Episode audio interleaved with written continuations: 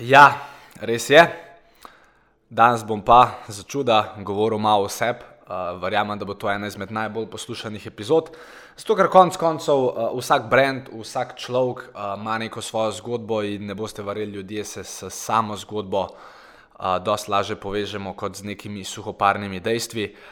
Uh, in uh, spomnim se, ko sem imel en nastop nekje nekoč.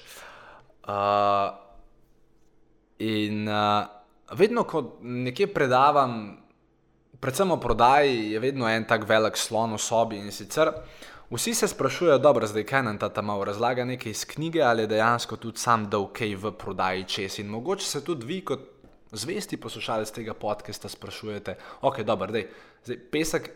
Ko ga gledam na posnetkih, ko ga poslušam, dejansko je najboljši prodajalec v Sloveniji. Ampak kako je on do tja prišel, kaj se je zgodilo, kaj, kako, kako, kako smo prišli do tega?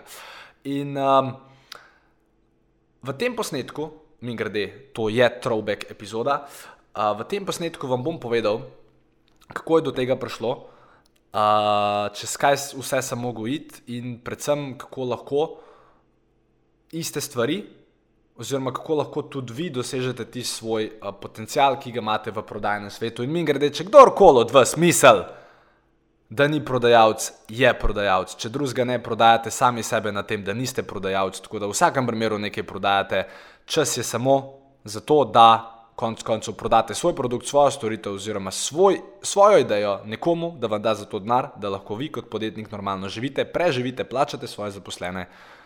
Oziroma, če nimate zaposlenih, najamete svoje, oziroma najamete, zaposlite ljudi, tako imenovane zaposlene, da lahko potem uh, vaš biznis še bolj eksponentno raste. Tako da, jaz mislim, da bom počasi pripravljen, uh, mislim, da tudi vi, uh, uh,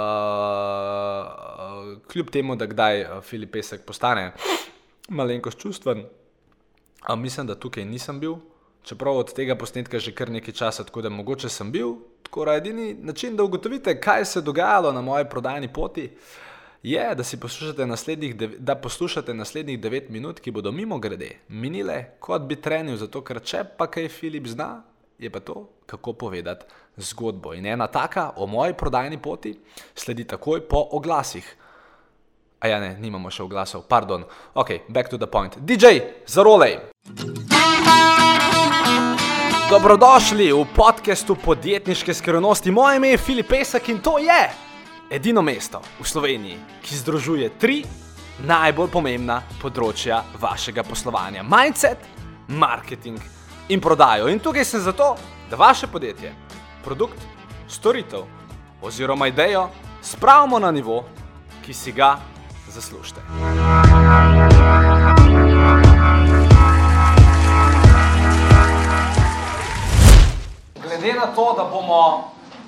Uh, preživeli skupaj danes, vsaj z mano boste preživeli še naslednje tri ure, um, jaz sem se samo začel sprašvati, oziroma sem se včeraj probil postaviti v vašo kožo in sem tako gotovo, da večina ljudi, ko bom začel govoriti, bo imela samo eno vprašanje, čak, a ta bere zdaj za ene knjige ali je dejansko kaj naredil. Tvora, uh, Če mi boste dovolili, bi vam rad samo v petih minutah a, povedal malo več stvari, vse pa o svoji prodajni poti. Vam lahko?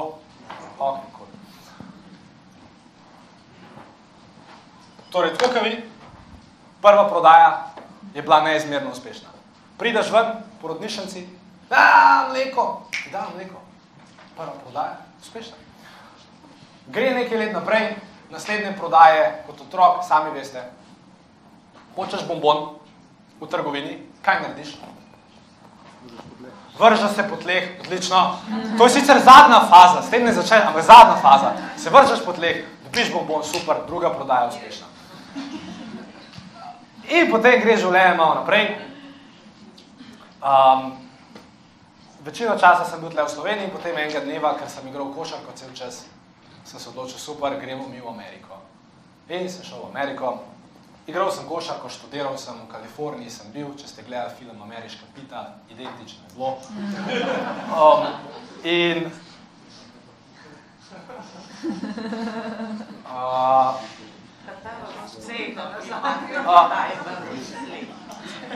In potem mene tam, prvo leto, ko sem bil tam, Mene kliče, oziroma na Facebooku mi moj soigralec Stojan iz Slovana, ki smo tam skupaj igrala, meni napiše SMS, Filip, ene čevlje bi imel. Ma ja, le, ja, ali da se dal v en model, tak rdeč hud, v Sloveniji ga nimajo, v Nemčiji ga nimajo. Videl sem, da ga imajo v Footlockerju v Ameriki, a mi lahko ti ta čevlje zrihtaš. Pravim, jaz stojam,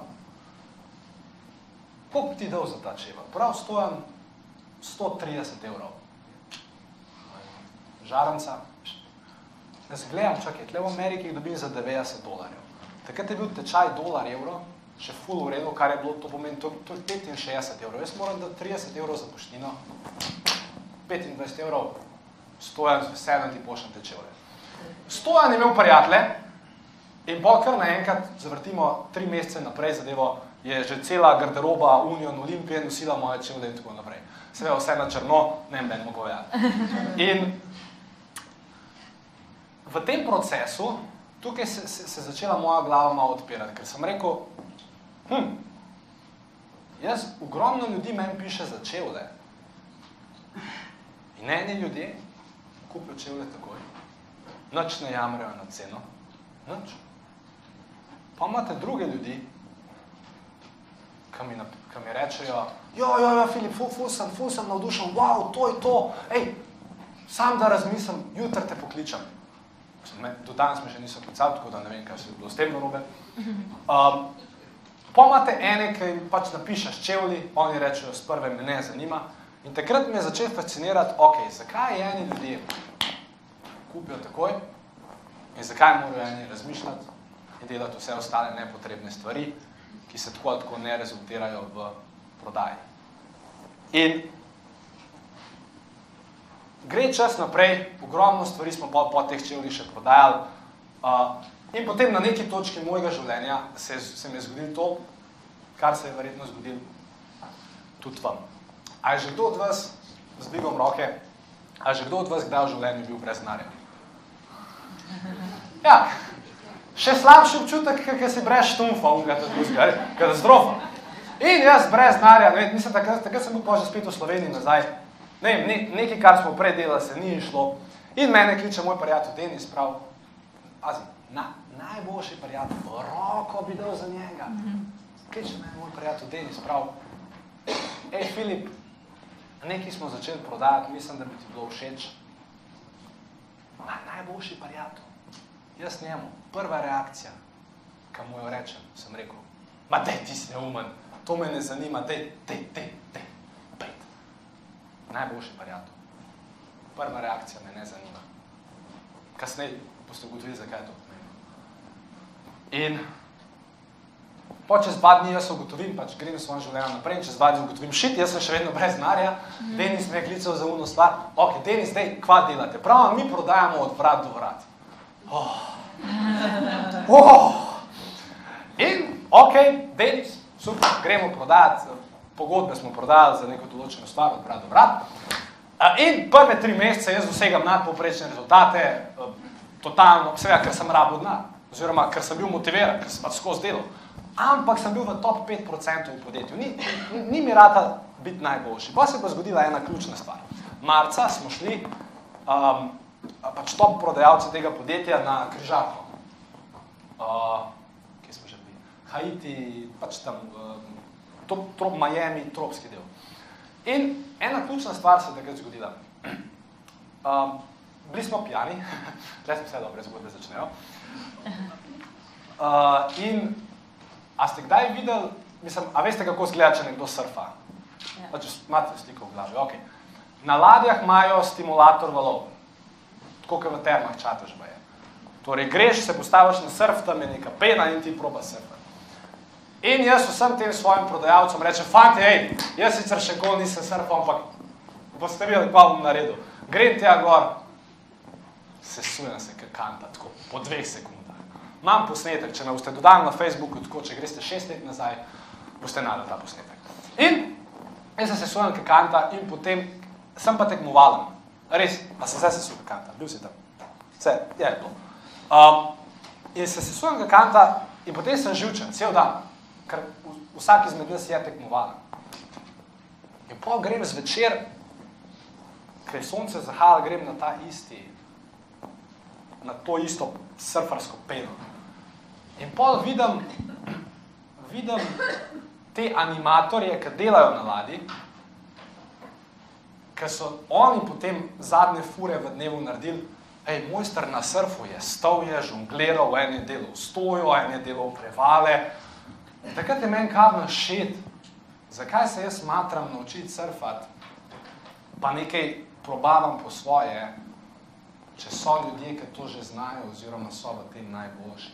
Takrat se je meni zgodil klik, ker sem rekel, Filip, hej, dej, najti ljudi, ki so v prodaji najboljši, če hočeš ti biti najboljši, dej, najdi nekoga, ki je najboljši, se v njega. Ne, ne gre se samo za prodajo. A se hočeš naučiti socialno mrežo, a se hočeš naučiti spletni marketing, a se hočeš naučiti plesati.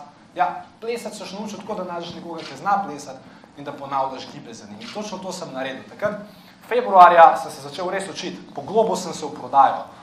Začel sem hoditi na take seminarje, začel sem brati, začel sem razmišljati, kar naenkrat iz top 5, ne, iz top 5% sem rad najboljši prodajalec v tem istem podjetju v roku treh mesecev.